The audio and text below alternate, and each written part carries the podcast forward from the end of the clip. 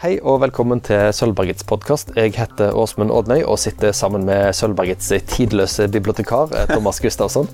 I dag snakker vi om klassikere i podkasten vår. Og alle episodene i denne miniserien om klassikere finner du der du finner podkasten vår. Hvis du har kommentarer, spørsmål, kritikk, så vil vi veldig gjerne høre fra deg. I denne episoden så skal vi til USA rett etter andre verdenskrig. Frykten for kommunistisk påvirkning og infiltrasjon er stor.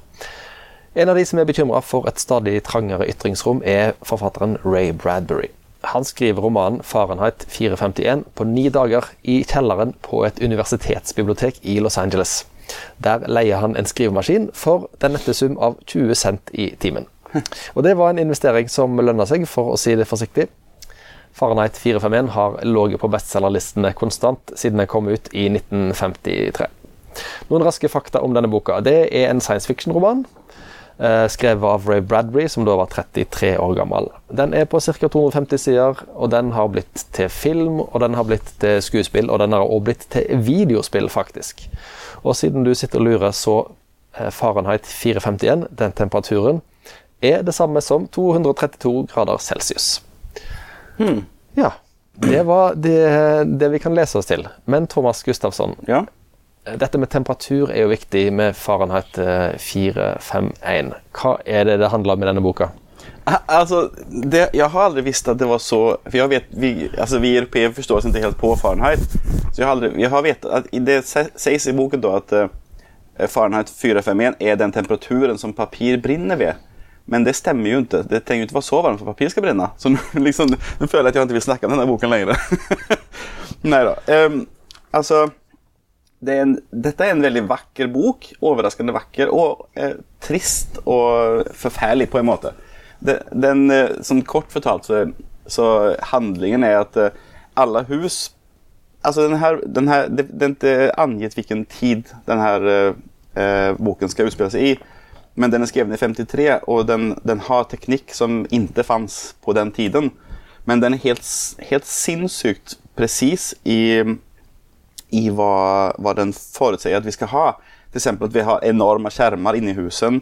At vi har noe som heter Seashell radio, som er at du tar inn små plugger i ørene og hører på radio.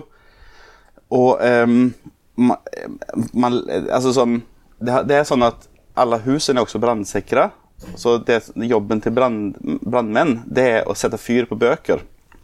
For det har blitt en, en, en eh, offentlig konsensus om at bøker burde forbys.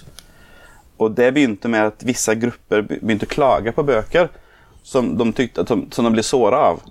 Og eh, Så begynte forfatteren å skrive bøker som var mer og mer like hverandre. Og alt for å ikke krenke folk.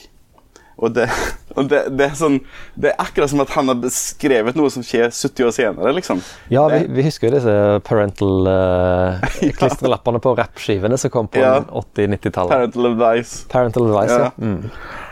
Men det, det, jo, det, har jo gått mye lenger nå med krenkelseskultur. Alle blir jo krenkte for allting hele veien. Og noen ganger er det bra, men mange ganger så er det, er det for mye. liksom.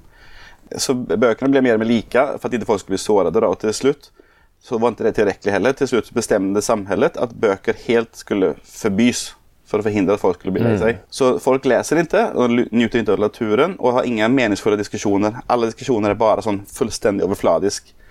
Og så erstatter de vanlige vegger inne i sine hus med store store skjermer. Og så etter hvert som du tjener mer penger, så kan du få en neste vegg i rommet også bli skjerm. Til slutt så er alle veggene bare store skjermer. Og så det som sendes på skjermene, kan du interagere med. Sånn at du, du lever egentlig inni en film, på en måte. Eh, og det får folk til at de ikke klarer å huske ting. De klarer, de klarer ikke å eh, det, Han hovedpersonen, han eh, han, de har mistet barn, tror jeg, han og hans fru, men hans fru klarer ikke å huske det lenger, for hun er, hun er så inne i bare den verden der du ikke skal tenke. Liksom. Dette høres veldig uh, treffende ut. Jeg har akkurat kjøpt ny TV, og jeg husker kun mitt eget telefonnummer. jeg, jeg kan, jeg kan telefonnummeret jeg hadde da jeg var liten. og så min egen min frus, tror jeg. Okay, ja. Og så, ja, så, så Brannmennenes oppgave er, om, de, om det går rykter om at uh, det er noen som har bøker, da, så drar de hjem til dem og har en sånn fotogen Heter det fotogen på norsk? Fotogen? Hva er det den sånn tingen gjør? Brennolje, liksom. Parafin? Ja, noe sånt. Ja. ja.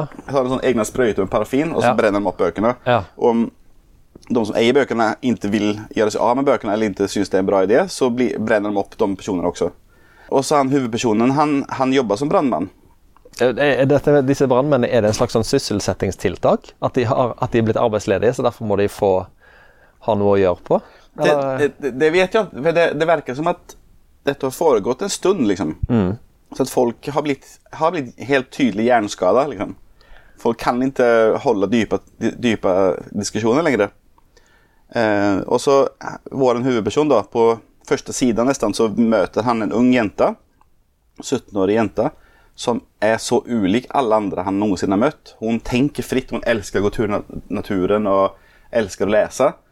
Og det setter i gang noe hos han da. Og det er jo livsfarlig, for eh, særlig om du jobber som brannmann, så han begynner å gjemme unna bøker som han leser i smyg. da. Og så skal ikke jeg si mer, Dette skjer veldig fort. altså Jeg skal ikke si mer om handlingen. Ja. Men det er en, det er en eh, forferdelig bok. altså det er på en måte, det er en veldig trykkende stemning og, try og trykkende å, leve i et sånt samfunn. Det minner litt om 1984 av George Orwell. Eh, med den vanvittige overvåkingen. Men den er jo også nydelig. Veldig, det er en veldig fin bok. Ja, for det var det jeg, jeg eh, tenkte å spørre om. Eh, 1984 har jo alle lest. Hva er likt og ulikt mellom de? Altså, Jeg kan tenke meg at vi kommer komme innom 1984 av en annen eh, senere eh, episode. Men eh, i 1984 fins det inget håp. Liksom. Ja. Men i den her så fins det kanskje et håp. da. Det er jo den største forskjellen. Den, den er laget så mørk at det, du kom, det, det er umulig å komme seg ut i den 1984. Men én en ting er jo eh, på en måte, plottet og, eh, og disse alle, Det virker som en bok som alle kan stille seg bak eh, det underliggende budskapet. Altså, alle er for ytringsfrihet. Men, men, men- men det må jo mer enn gode intensjoner til for, å, for at noe er en klassiker. Hva, vil du si er den fremste kvaliteten ved, ved denne romanen? Eh, Den fremste kvaliteten er at det er en sånn fin bok. At den er så bra velskreven. Og den, den der tristheten og det fine språket det, er en, det, det er bare en veldig, veldig fin bok. Og så blir man jo sjokkert over hvor nøyaktig den er med hvor det er nå. Og den her fordummende kulturen som vi har med reality og, og liksom eh, at lesingen synker kanskje og, og sånn som det. da. Men, eh, så den kombinasjonen der er veldig fascinerende. Og så det absurde da, at brannmenn jobber med å brenne bøker. liksom. Er det en sånn bok som når du har lest den, så vil du aldri mer eh, kvitte deg med ei bok? Jeg har jo blitt nødt til å kvitte meg, for jeg har jo liksom, det som vi snakket om på den der eh, førre podkasten om økonomi der Jeg bodde i et stort hus, og så jobbet jeg som selger, og så jeg ville jeg jobbe som bibliotekar, så da tok jeg utdanning og tjente mindre og eh, kjøpte et lite hus. Så min, min boksamling har jo eh, krympa i takt med at jeg har blitt fattigere og eldre. så det, det går ikke sånn. Men jeg, jeg hiver dem ikke da. Jeg har eh, det som er nytt nok, selger jeg til brukthandel, og så har jeg en venninne som har tatt imot mange bananesker-bøker i året i ti år. men jeg har jo hatt det sånn, vi, men vi har jo også den der tingen her på huset, på Sølvberget, at vi gjør oss av med bøker. Eh, og det er jo ikke morsomt. Det, det kjennes ikke så kjempegøy, eh, men man må jo bare gjøre det. Du sa, du sa at det var håp i denne boka her. Ja. Uh, er det et håp som vi kan uh, ta med oss i, inn i vår tid? Den verden som faktisk fins? Har de noen smarte grep de tar i Fahrenheit 451? Ja, uh, da må alt først brenne. så først brenner alt, liksom. Og så kan man begynne å skape noe nytt igjen. Det hørtes litt voldsomt ut, Mm. Men det er det, er det som skal til? Jepp. Ok, takk skal du ha.